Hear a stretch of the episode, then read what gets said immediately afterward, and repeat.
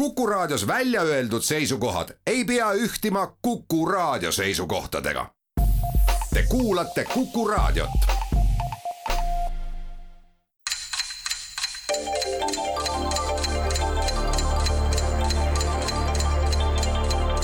tarkade klubi targemaid küsijaid toetab lisateadmistega Postimehe raamatukirjastus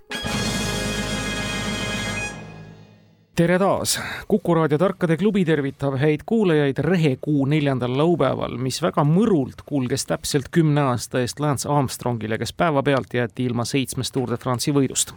kõigest muust, mis maine ja positiivse kuulsusega kaasnes, oli ta ilma jäänud juba varem laupäeval, mis nelikümmend seitse aastat tagasi kulmineerus positiivselt Nõukogude konstruktori Semjon Lavotškini töö jätkajatele, kui nende konstrueeritud Venera, järjekorras üheksas muide, murdis ennast läbi Veenuse tiheda ja kuuma atmosfääri väävelhappepilvede ning jõudis selle ehatähekski kutsutud planeedi pinnale sõõmuke rõõmu sellele rehepopi perioodile lähenevas päevas jagus siis ja jagub ka täna, kui seda on jagamas muhedat ja alati elurõõmsalt ning Veenusest sõltumata mängumehed nii siin kui sealpool transistoreid. meil on ütlemata hea meel nädalase vahega tervitada taas Tallinna stuudios head humanitaari, väärtfilmi erudiiti, tõlkijat Mart Rummat tere! ja teaduse populariseerijat, toimetajat, metsloomadele oma võimsat abikätt pakkuvat omaaegset meediamogulit Marek Strandbergi. tervist! Tartu stuudios selle Valge Maja kuuendal korrusel Ülikooli tänaval ja tänavale nime andnud õppusotuse geograafia kaasprofessoreid, endiselt Sumatra niiskust sõõrmeist tundvat Jaan Pärna. tere! ja ilmselt Eestis ainsana pesulõksude paiknemist kaartidele joonistada oskavat Taavi Paet. Tere! hea meel, et olete meiega. küsijate kollektiiv on tänagi teile ette valmistanud kümme küsimust järgmistel teemadel. Slava Ukraini, nimed, loodus, sport ja vaaria küsijad on täna Kivimäe kooli ajaloo ja ühiskonnaõpetuse õpetaja Margus Pillau, raadiokuulajast pedagoog Õie Tähtla ja raadiokuulaja Vladimir Suhharjev, kes palub ennast tituleerida saavutusega Helsingi hõbe, tähendagu see mida iganes. täna saavad avaliku õiguse Tallinnast Marek ja Mart, palun. noh kuule, minule meeldivad väga nimed. ja ma palun, ma nagu täiesti eelmise nädala kogemuse põhjal usaldan sind kui ainsat tarka siin eh, lisaks küsijale veel stuudios aastatel tuhat üheksasada üheksakümmend kuus kuni kaks tuhat neli ametis olnud Ameerika Ühendriikide luure keskagentuuri Kreeka immigrantidest järeltulijast direktor, president Bill Clintoni poolt sellele positsioonile nimetatud mees kannab perekonnanime mis ühe tuntud ameeriklaste ja brittide koostöös valminud filmi pealkirjaga kattub. filmi, mille peategelane luure keskagentuuri agent on pealkirjaga. mis perekonnanimi või filmi pealkiri mm,? agent ja ta oli Kreeka päritolu või? Kreeka immigrantidest järeltulija, jaa mm. -hmm. võiks olla Kreeka nimi kelle ajal oli see luure keskagentuuri direktor Kreeka nimega? Clintoni, Clintoni, üheksakümmend kuus kuni kaks tuhat neli. Välistame kohe helilooja Theodor Aakise ära ole nii julge, mine tea. mul tuli pähe Dukakis. Dukakis oli ju mingisugune aga ta ei olnud äh... kongressmen, aga ega nagu seal nad on CIA-s, ei tea. aga ütleme Dukakis, palju me veel? igatahes Kreeka nimi. on. Aga, aga filmi, mul ei tule sellist filmi pähe. Kreeka nimega film, sest mul kes see, kes see laeva Sorbas. ei, üks on Sorbas, agent Sorbas. üks on veel, kes see laevandusmagnaat oli nime poolest lihtsalt? Onassis. Onassis mm. -hmm. No, ei, pagan, et seda oleks ikka tähele pannud, kui luure keskagentuuri juht oleks Onassis olnud. vot film ei tule ette. no ega ei ole välistatud. see laksaks ära, siis oleks kohe lihtsam, aga Tukakis. see filmi pealkiri on Tukakis, see nagu ei kutsu, see ei kutsu vaatama, see vastupidi ei noh, ütleme niimoodi, et võib-olla, ega ei tea, aga tea. aga Tukakis, Sorbas. Sorbas on tore, aga see on see on nagu teine tegelane. jah, jah agent, ongi üks nimi, mitte mingi agent, vaid lihtsalt nimi. Mis võiksid veel olla niisugused nagu väga dramaatilised Kreeka nimed, Aristoteles võiks olla nagu näiteks mingisugune filosoofi nimi näiteks. paned filmile pealkirja nagu, nagu keegi ei ole kuulnud, keegi ei ole kuulnud mõhkugi nagu noh, mingisugusest äh, jällegi, kui luure keskagentuuri juhi nimi olnuks kõigil neil aastatel mõni filosoofi nimi, Platon. no pole võimatu, aga Pole võimatu, aga, aga direktor ette. Platon. no vot, nüüd ongi nagu, nagu punn ees, lihtsalt ei tule Kreeka nimesid, muidu võiks nagu ju pakkuda siin ja vaadata Timole silma, et kas pulm võpatab korra või Mhm. mitte. ma kardan, et meil ei tule praegu, et äkki jääme selle Tukakese juurde. niisuguse nimega ei ole no, olnud no vähemalt üks, üks, üks ameeriklane on Dukakis on, on noh, ei, ei ole Dukakis, ehkki seesugune ameeriklane võib-olla tõesti on olemas, palun, tartlased. aitäh, tahaks Palun. öelda ilma irooniata, aga aga meiegi, põhimõtteliselt on ju küsimus lihtne, nimetage CIA pealik aastatel üheksakümmend kuus kuni kaks tuhat neli. Just, sirge lisavihjetega. sirg, sirge küsimus ja, siin filmi nimi võib aidata, aga, aga ei pruugi.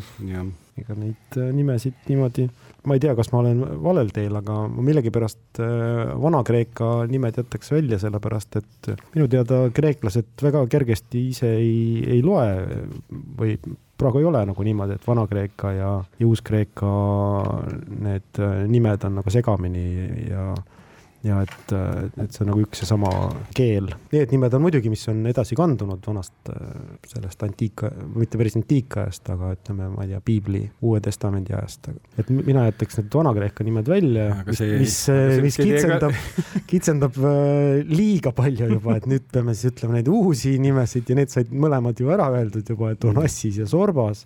Nendest üks on kindlasti mängufilm, aga ma ei ole näinud äh, seda filmi ma tallinlaste sellistest humoorikatest märkustest lugesin välja, et, et seal äkki nendest üks, kumbki on näinud seda filmi ja et seal ei ole ühtegi luureagenti, vähemalt talle teada olevalt ja filmivaatajatele.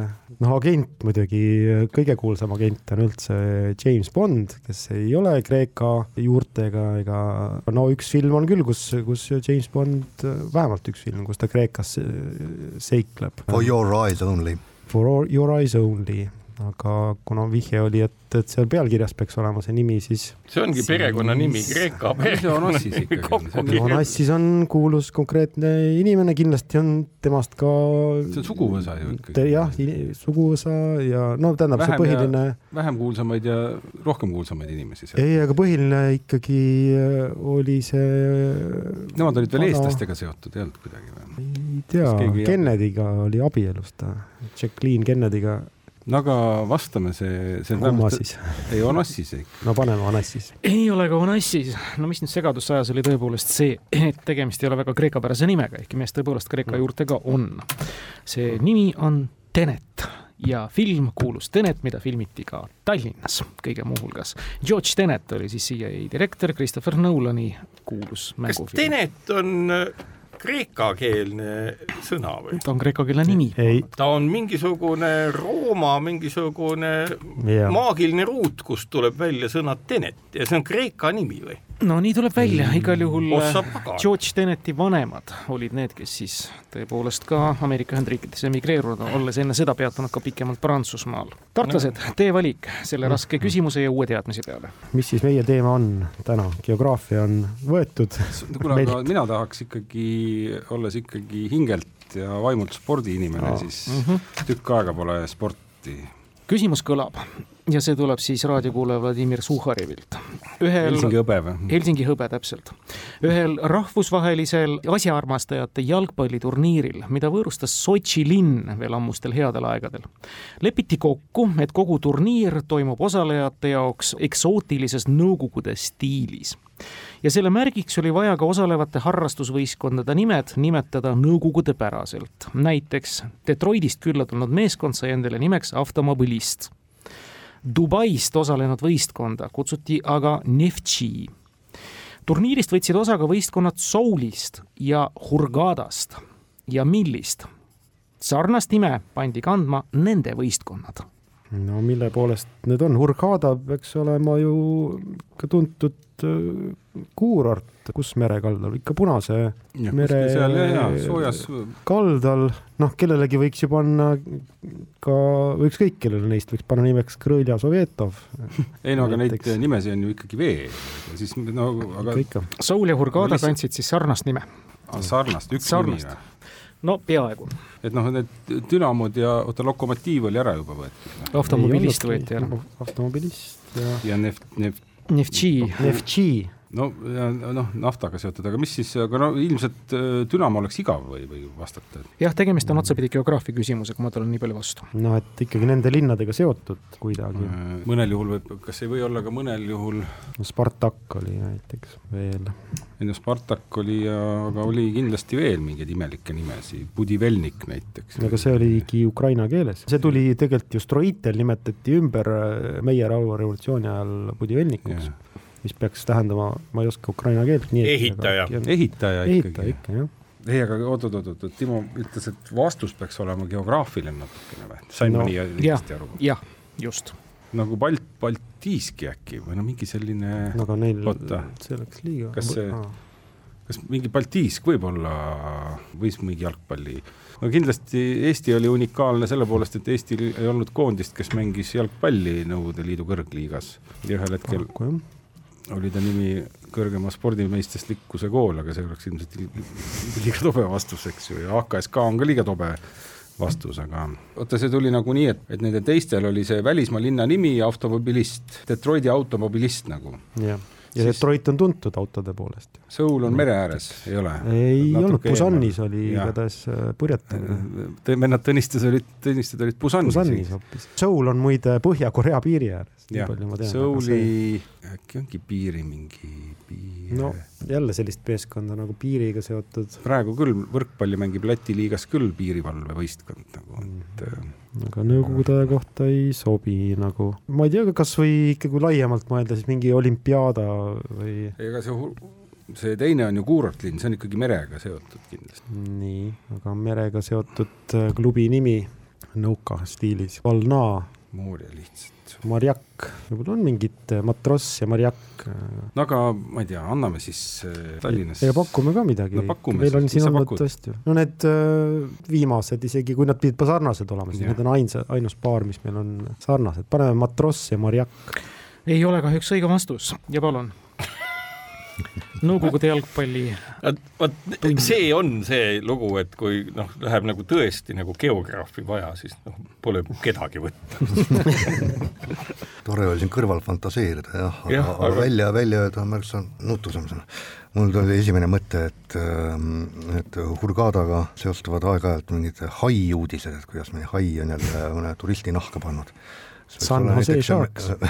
meeskond Akulõi, haid aga, aga see kõlab võib-olla liiga venepäraselt ja, ja nagu Seuliga, Seuliga ka ei sobi, aga, aga see Krasnomortsi. vaat just, et punane, punasest merest tuletas, Krasnomorts. oota, aga oot, oot, oot, oot, aga, aga see jälle ei seostu Koreaga. kes need, kes need vägilased olid, kes nagu uh, Mustast merest välja tulid?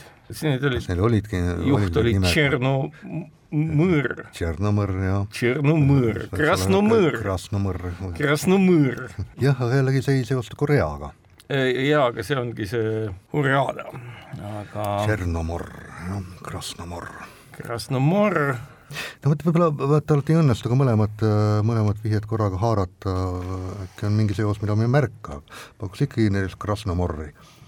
Seoul haakub kuidagi mingisuguse sельскохозяйственник või ma ei no vot ja Hurgadas kõrbe, kõrbes jällegi sellist põllumajandust ei ole. Äh, kõrbes ei ole, aga siis seal on äh, liiv ja meri. mis seal veel oli, igasugu, vaata kui nõukogude ajaga, siis nagu, nagu kas, kas seal olid mingisugused nagu ma ei mäleta, mingid puuvillakasvatajad ja, ja Koreas, mis toit, no mis seal on, noh, teed no riisi nad ikka seal kasvatavad, et nagu mingisugune, mingisugune Kesk-Aasia värk, et mis asjad need olid, igasugused võistkondade nimed, niisugused asiaatlikud või, või mingi, ei suuda meenutada, mis nüüd Urožainik, ei olnud midagi niisugust ah, no mida me pakume, mida me pakume, pakume kiiresti kuule, jääme selle Krasnomori juurde. Krasnomor. ja saate pool punkti no, viitega siis Odessa võistkonnale, mis kandis kunagi nime Tšernomorets, kandsid siis külalisvõistkonnad nime Krasnomorets ja Žoltomorets. Žoltomorets oleks võinud ka öelda, sellepärast et no, just nii. meil oli kirjas kollane meri ja punane meri. punane. ja Jaan mõtles ka välja siin, et no vahepeale valet vastust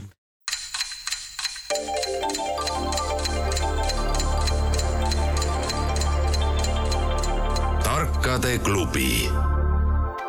targemaid küsijaid toetab lisateadmistega Postimehe raamatukirjastus.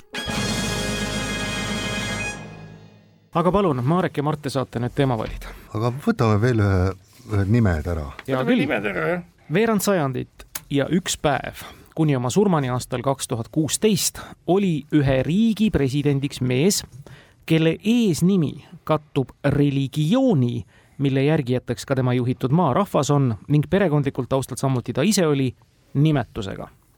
kes ja millise suveräänse riigi president? kui vähemalt eesnime ja samas ka riigi nimetate, saategi täispunkti. mees kandis eesnimena religiooni nime, mille järgijateks ta ise ja tema rahvas oli sajandit, aga millal seda ei ole öeldud? kaks tuhat kuusteist suri, üheksakümmend üks kuni kaks tuhat kuusteist. Vau!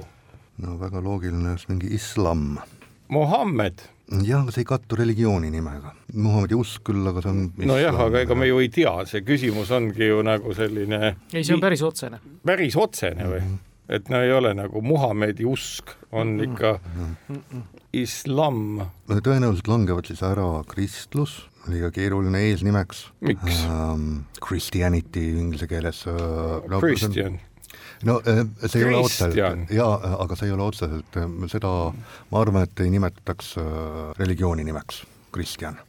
okei okay,, no siis et, meil äh, ma arvan, et judaism langeb ära, islam võiks olla, islam, islami, sellist eesnime olen ma kohanud küll, ehk ei tule ühtegi riigijuhti ette, budism ilmselt ei ole eesnimi. kakskümmend viis aastat. Tao, taoism ei, see on Shinto, Shinto võiks olla eesnimi Jaapani presidendil. Jaapanis ei ole president, seal on peaminister yeah.. seal on keiser yeah., mäletamist mööda, see ei ole see. kus on pikad presidendid? noh. pikaajaliseks mõtled? jaa, pikka, pikk, pikalt. no seda president. juhtub siin ja seal Neid kutsutakse diktatuurideks. jaa, mitte, vot see ongi nagu see, et äh, kas äh, noh, kas Kesk-Aasias on mingisuguseid, kes seal igasugused olnud on, nursultaanid ja miks pagana tegelased, kas mõni neist on ära ka surnud või? Nad elavad igavesti, me teame näiteks no. kas mõnda Rastafari ei ole, rastafarianism? Rastafar, aga kus see rastafarianism on? Jamaica. Jamaica president Rastafar, kolm punkti, rastafarism. noh, see on ju väga hea vastus. jaa, aga see päriselt ei kattu jälle selle no vot ei tea, kui, kui täpselt, Timo ütles üsna täpselt peab kattuma see eesnimi. jah selle..., öelge eesnimi ja riik mm. -hmm. Rastafari no,. pakume Rastafari ja Maika. Rastafari usk ja Jamaica haruldaselt head vastused tulevad muudkui Tallinnast täna, nagu leidlikud inimesed, ei anna kahjuks punkti. ma ootan seda aegu, kui need hakkavad andma ka punkte, palun. me jäämegi ootama neid aegu. tartlased. no meil, ega õige vastus on see, et me ei tea. ma ei, ma ei tea, me ei tea kõiki Aafrika riikegi ju, et ja sealt otsast, aga millegipärast mingi nagu aimdus, kõhutunne läks ikkagi Kesk-Aasiasse. aga. ei no ikka aasta tuhat üheksasada üheksakümmend üks, noh nagu kindlasti väga... juhtus äh, mujal maailmas ka noh, presidendid äh, vahetusid, aga. aga et keegi tuli seal ja, ja millegipärast me välistasime Kasahhi, sellepärast et seal Nursultan tähendab elab hoopis ah,, ja ta elab, elab ja tähendab ka, mis on suurt kuningat, mis ei ole ja, religioosne. ja Kirgiisis, kus me Jaaniga oleme käinud, mulle tundus, et seal oli, see oli kõige demokraatlikum neist, seal on kuidagi nagu, aga siis jäi kuidagi need Tadžiki, Usbeki ja Türkmeeni ja kuskil on mingi, mingi nimi, aga mina ei tea, kas Islam Karimov. õige, Islam Karimov ja Usbekistan. Islam Karimov, riigi president esimesest septembrist üheksakümmend üks. teise septembrini. Usbeki ma tahtsingi öelda. ja ma tean, ma tean, sa olid sinna juba jõudmas. Islam Karimovi surm muidugi nüüd nii hiilgavale mehele ja riigi peaaegu et eluaegsele presidendile väga kohane ei olnud pärast Rio olümpiamänge oma võidukaid sportlasi võõrustades piltlikult öeldes Islam Karimov jõi ennast surnuks, mis ei ole islami traditsiooni kohaselt nüüd kõige ülemäärasem üllam tegu. Tartu üks, Tallinn pool, kolm küsimust on selja taga, läheme edasi ja Tartu valib. aga see ei olnud spordiküsimus, see Karimovi küsimus? ei. lõpuks keeras ikka spordiks ära ju. aga sport on, võtame spordi. ja, ja klassikaline spordiküsimus, millise olümpiamängude kavva kuulunud ala läbi aegade edukaimad atleedid on olnud Frederick Humphreys, Edwin Mills ja John James Shepard. kõik nimetatud võitsid olümpiamängudelt kaks kulda ja ühe hõbeda. kõik nimetatud olid ka kolleegid London City politseis, mis oli ja on siiani tsiviilorganisatsioon ehk siis meie mõistes Londoni mupo.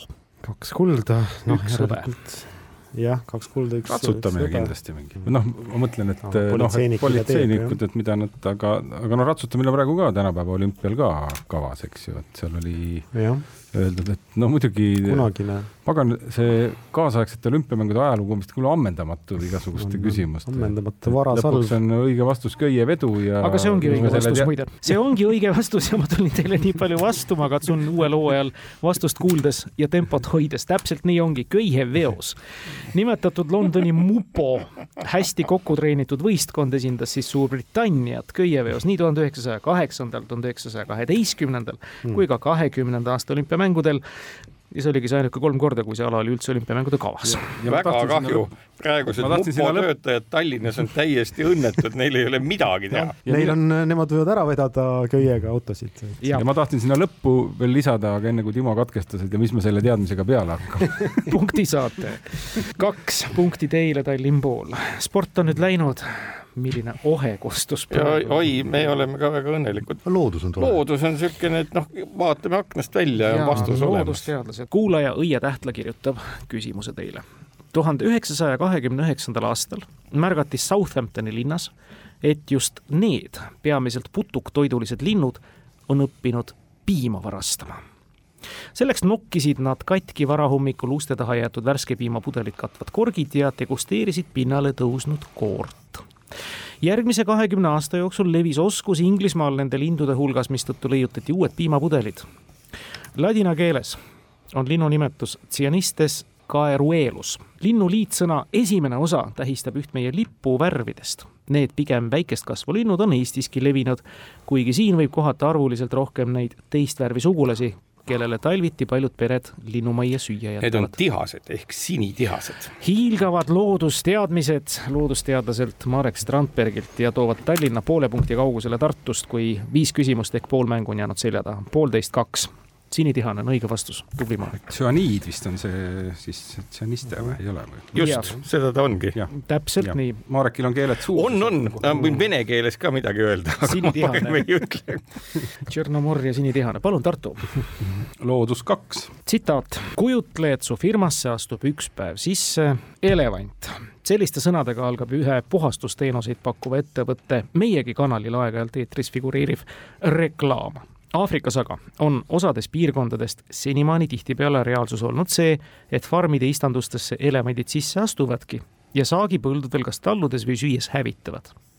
samas on londilised ju looduskaitse all ja nende vastu inimeste poolt midagi vahetult füüsiliselt ette võtta ei tohi et olukord mõistlikult lahendada, töötas tänavu kaheksakümnendat sünnipäeva tähistanud Inglise zooloog, noorusest alates elevante uurinud Ian Douglas Hamilton välja süsteemi, kus elevante teel farmipõldudele nende teatud mõttes looduslikud vastased tagasi tõrjuvad.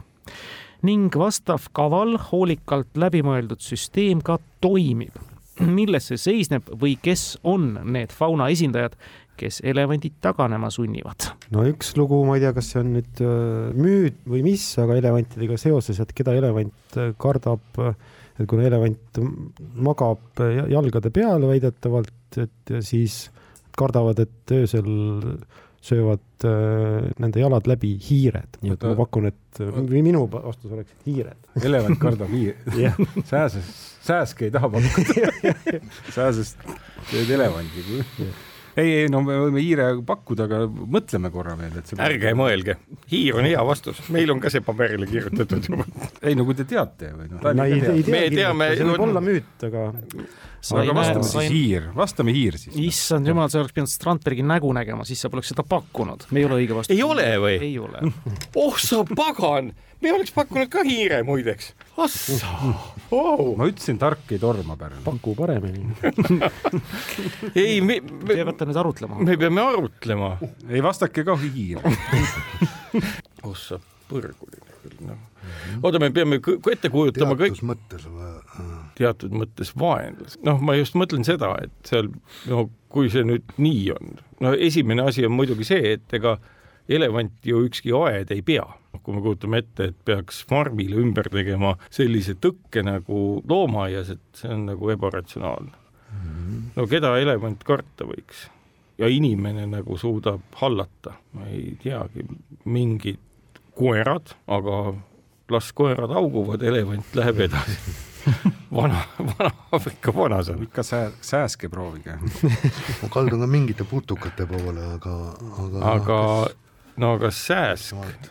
No ma ei kujuta ette, sääsk pistmas läbi elevandi naha, seal on see veri nagu ikka väga sügaval, kindlasti on olemas spetsiaalsed Hamiltoni poolt arendatud väga pika iminokaga sääsed sellised. no vot ja elevandil on see lont või londi ots on väga õrn ja tundlik. see, see kardab küll mingeid putukaid no aga ega nagu ütleme niimoodi, et aga üsna, üsna jabur oleks ette kujutada, et Aafrikas, kus on nagunii probleem malaariaga, et, et siis nagu on härra Hamiltoni poolt äh, aretatud spetsiaalsed sääsed, kelle puhul nagu malaaria probleemi ei ole. ja see on äh, sääske raske suunata ka, ma arvan jah. Ei no ta peab olema millegi tõttu nagu elevandi peale kuidagimoodi spontaanselt kuri, kui ta tuleb no ei pruugi olla kuri, sest nagu teatud mõttes äh, vaenlane. teine elevant. Jah, vastu, vastu elevant. Koolitatud vastu elevant, kes ja fauna esindaja. mingid linnud on variant, aga kuidas ja miks nad kurjad no ütleme, on linnud, kes äh, turnivad ninasarvikute seljas ja, ja nokivad nende nahka, eks ja, ole. aga ma arvan, et elevantidel ka, aga need äh, ei tee neile miskit kurja, et loomad on igavesti rahul veel sellega no putuka, kui me ütleme putukas, siis nagu mida putukas Aafrikas tahab, et olen ise otsinud vett Aafrikas sellisel moel, katsetanud, et kas toimib, et vaadanud näiteks seda, et kas mesilane lendab mingisuguses kindlas suunas. Ja lendab küll, aga noh, kas me siis võime öelda, et äh, mesilane, kes siis on mesitaru ja ta tunneb, et kas elevandi silmas või nagu sa ütled, londis on vett ja lihtsalt jänune mesilane, kes lendab, lendab spetsiifiliselt londi otsa või silma ja elevantidel on väga tüütu ja ega mesilased väga kaugele ei lenda, nad mesilane on selles mõttes hea mõte, et need, nad on suhteliselt kergesti juhitavad inimese poolt. saab panna näiteks kas või tõesti mesitarud äh, piiri peale, ütleme. ja hoiad neid, ja et hoiad neid jänu... otse, otse vastased, otse vaenlased, aga, aga aga, aga mesilased, kes, kes noh, jah, ega muud ma ei oska nagu ette kujutada. ei olegi vaja, see oli hiilgav arutelu, ma kuulasin selle lõpuni, nagu Marek Strandberg ise oleks selle süsteemi välja mõelnud, need on mesilased põldud ümber ehitatakse omavahel juhtmetega ühendatud mesitarude võrgustik. kui elevandid lähenedes juhtmetesse puutuvad, hakkavad tarud rappuma ja ärritunud mesilased väljuvad elevanti rünnates. mesilased tekitavad nendele siis hulgaga naelates märkimisväärset valu ja teiseks vallandab mesilasmürk elevandi organismis reaktsiooni, mis söögi isu vähendab ja nii ei jää elevandist. saledad elevandid. nii ei jää elevandist ka midagi tualetti maha, nagu ütleb küsimuse autor. see on hiilgav Teine.... vastus oli õige, aga arutelu täiesti vale. nii, kaks pool Tallinn, Tartu kaks, meil on jah, kuus küsimust on selja taga, neli minna.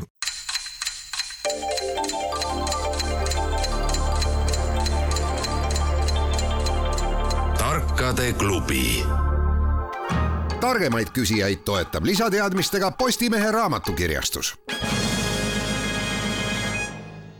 palun, Marek Mart. noh, proovime Ukrainat. proovime, ma saan aru, et sa kibeled, et noh, siis muidugi proovime.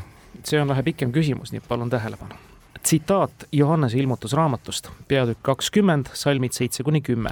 Eestikeelses versioonis alapealkirjaga Lõplikust võidust saatana üle kui need tuhat aastat otsa saavad, lastakse saatan lahti oma vanglast ning ta läheb välja eksitama paganaid, kes on ilmamaa neljas nurgas siinkohal on siis veel eraldi kahe maa või piirkonna nimi mainitud.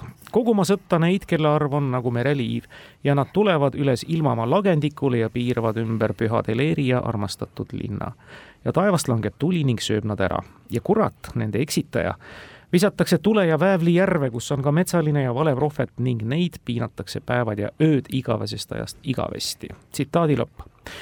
Need kaks maad või piirkonda, mida äsjases apokalüpsise tekstis me nimme ei nimetanud, asuvad terve rea uurijate arvates ajalooliselt lokaliseerituna Kaspia ja Karpaatide vahelisel lauskmaal, suures osas siis tänapäeva Ukraina Vabariigi lõunaosas ja me tahamegi, et te nüüd need kaks nime ära arvaksite, mis selles ilmutuses sai ära mainitud õigemini ei saanud ära mainitud.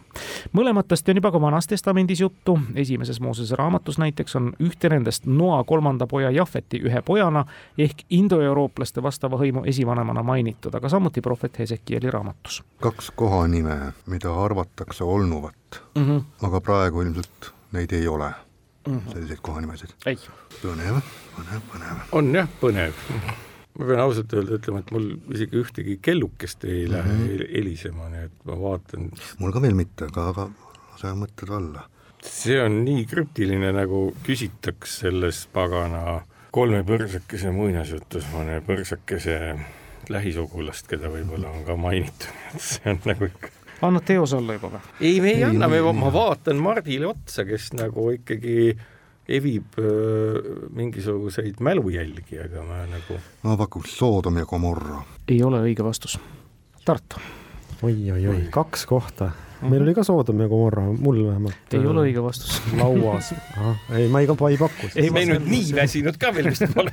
jah, jah, oi, aga no Taavi kirjutas siin äh, selliseid konkreetseid ja tänapäevaseid äh, no nad on kõik ajaloolised ikkagi, aga siis vist Soodom ja Gomorra, ma ei tea, kas on lokaliseeritud, aga noh, tühja, tühja nendest, aga mingeid selliseid äh, nagu tänapäeva mõttes äh, nagu teadmata kohti, no piiblis on näiteks Ararati mägi mainitud, aga noh, see on nagu ikka. mina tean, kus see on. jah, täpselt, et meil on sõber, sõber käinud seal tipus isegi. aga no ma mõtlesin, noh, minu palli läks kirja ikkagi alati, kui sinna läheb, on Sarmaatia, aga kust see pärineb, see?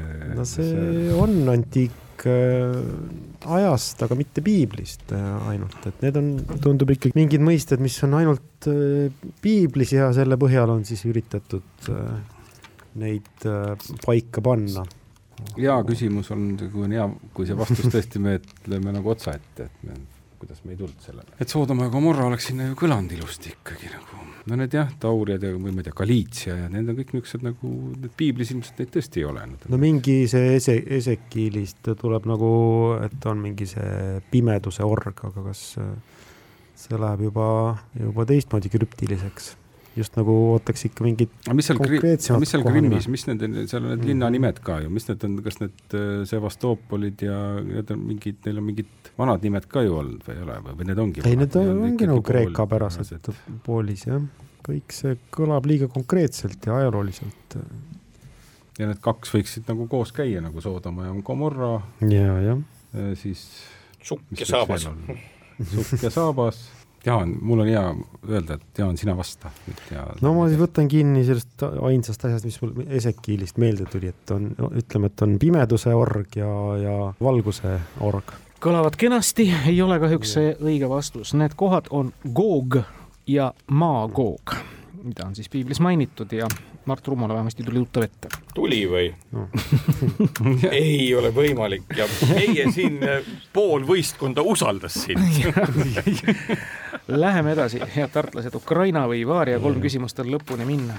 Vaaria. kui kuulus inglise naiskirjanik ja aadlik, väidetavalt üle seitsmesaja romaani kirjutanud Barbara Cartland esimest korda kihlus ja see oli veel tuhande üheksasaja kahekümnendate aastate algul küsis ta oma emalt ühe küsimuse ja kuulnud emalt vastust, ehmatas see teda nõnda, et noor neiu katkestas kohe oma esimese kihluse.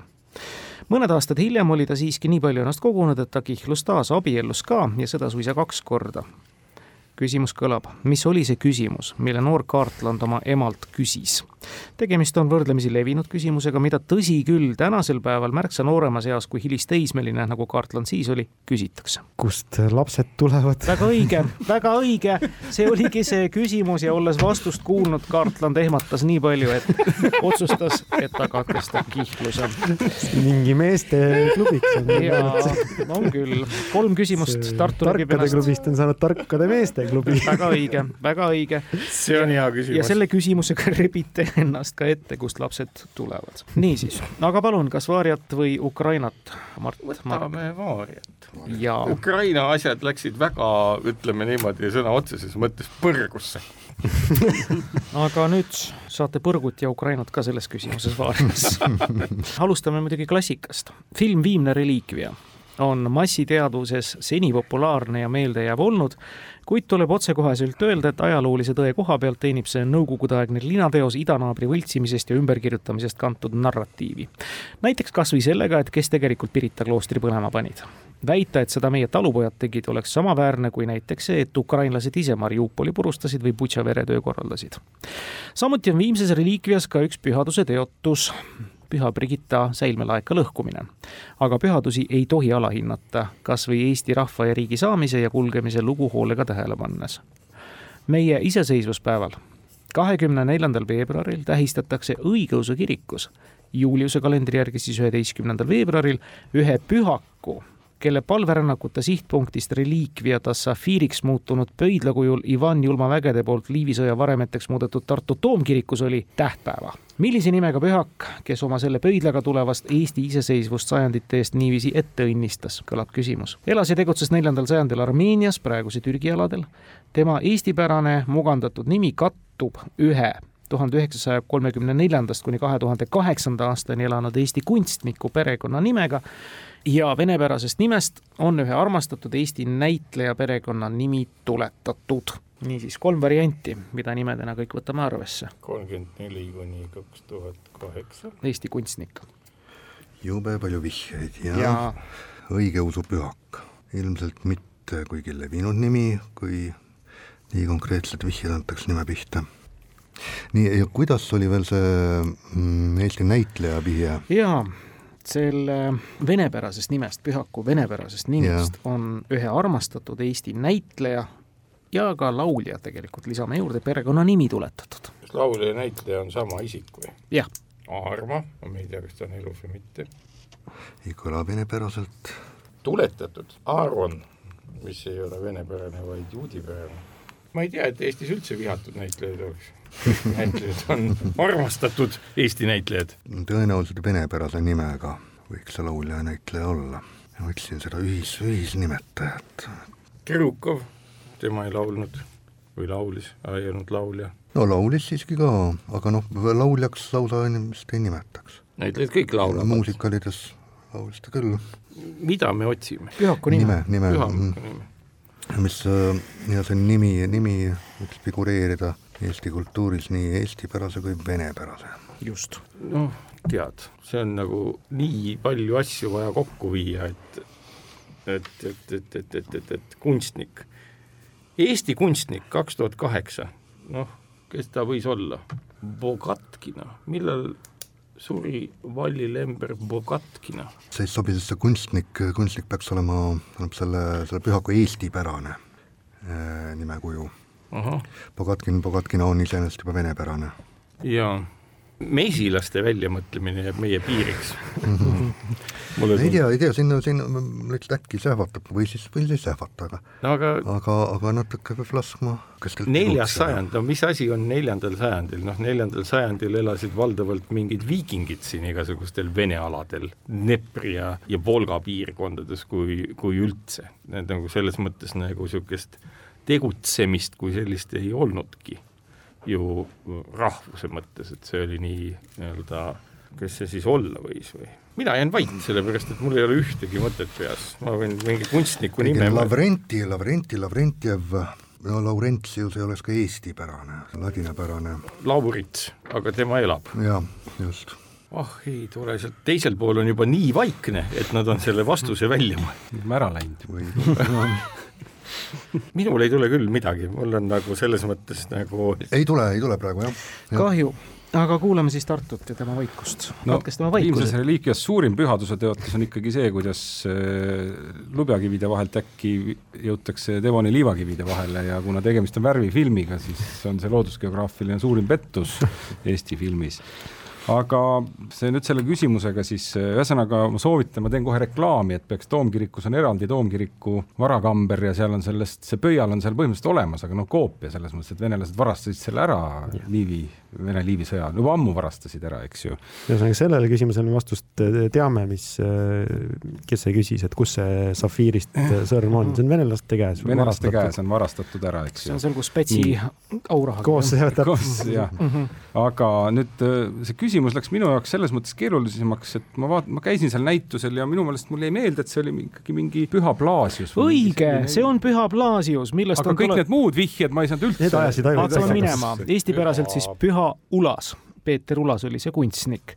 venepäraselt Püha Vlassi või Püha Vlas, vihjatud isik oli siis Jüri Vlassov see läks tõesti natuke keeruliseks kätte ja Kalliskivi pöial varastati siis tõesti Tartu toomkirikust juba ka enne Liivi sõda väidetavalt ja ikka nende samade ida poolt tulnute poolt. aga igastahes äh, külastage kõik Tartu Ülikooli toomkirikut en.... no vot, see on see. ennem, ennem kui temast restoran saab. jah ja, ja muidu tehakse sellest restorani. kui see ei külasta, siis aga head tartlased, teile nüüd ka viimane küsimus. mängu olete juba võitnud, aga jällegi hiilgav lahing ja palju teadmisi juurde andnud. selle tänaseks enam kui kahesaja tuhande elanikuga Ukraina oblasti keskuse asutas Poola hetman Jan Amor Tarnovski tuhande viiesaja neljakümnendal aastal. Tulenevalt oma asukohast ajaloolise Galiitsia ja Podolia regioonis Sereti jõe kahel kaldal on see linn olnud ajalooliselt üks ihaldatud vallutusobjekte ja püsinud püsti neljateistkümne erineva riigikorra ajal eriliselt tähtis on linn olnud ajaloos Poola juutidele, kes seitsmeteistkümnenda sajandi alguses sinna ümber asusid ja kelle asurkond kasvas nõnda, et kahekümnenda sajandi alguseks moodustas see juutide asurkond enam kui poole linna rahvastikust. milline Ukraina linn?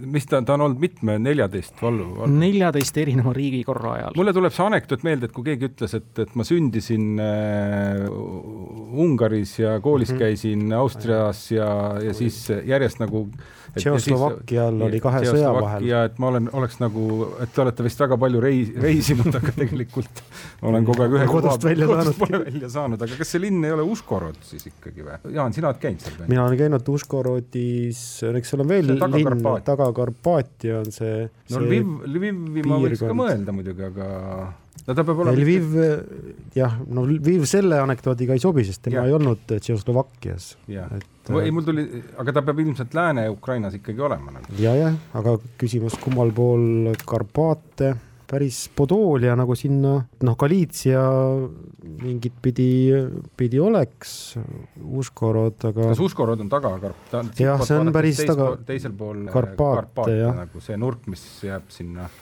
aga mis siinpool Karpaatia on mingi suurem linn? no kõige suurem ongi Lviv ja siis juba peaks liikuma lõuna poole. no aga vastame see Uškorod, vaatame, mis juhtub. pakume. Uškorod ehk Ungvar ei ole õige vastus. nii et Tartu lõpetab tänase mängu nelja punkti peal ja ütleme, kõige napimat eduseisu on võimalus manada siis Tallinnal, kui ta teab seda Ukraina linna ega ma ei tea, aga, aga mulle tundub, et, et esiteks ma mõtlesin, et, et Lviv. suur, suur juudi aga... kogukond on olnud Lvivis ikka. aga see käis varem, läbi. varem Lvovis ja, ja see käis tartlastel ka väga palju läbi, nii et see andis aina kindlust juurde, nii et pakume Lvivi. ei ole Lviv, Lviv on märksa suurem linn. see, mille kohta me küsime, tegelikult oli pool vastust juba küsimuses sees. Poola mhm. hetman Jan Amor Tarnovski ja linn on Ternopil, Ternopili oblasti keskus ja suur juudi keskkond ja täpselt seesama anekdoot võib-olla käis ka kindlasti Ternopili kohta.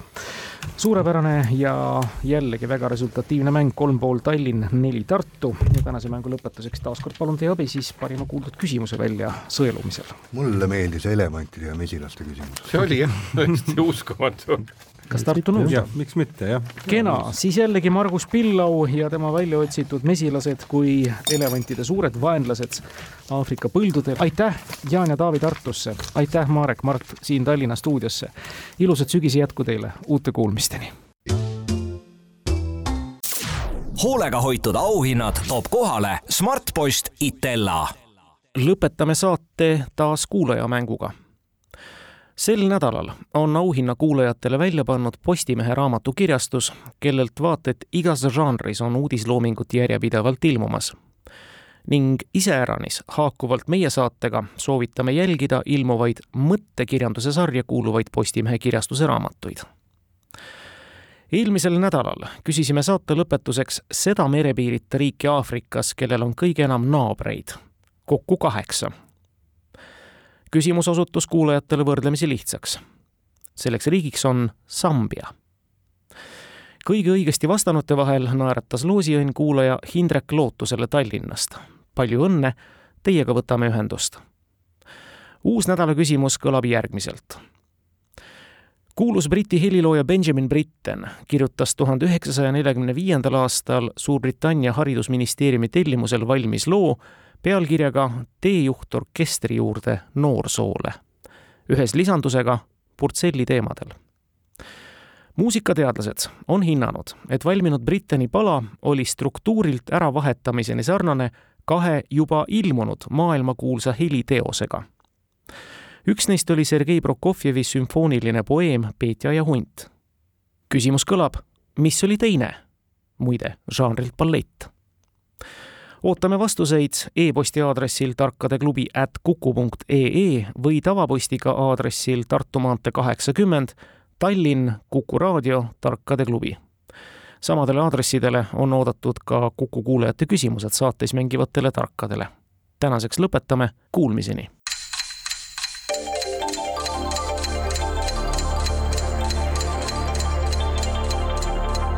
raamatuklubi.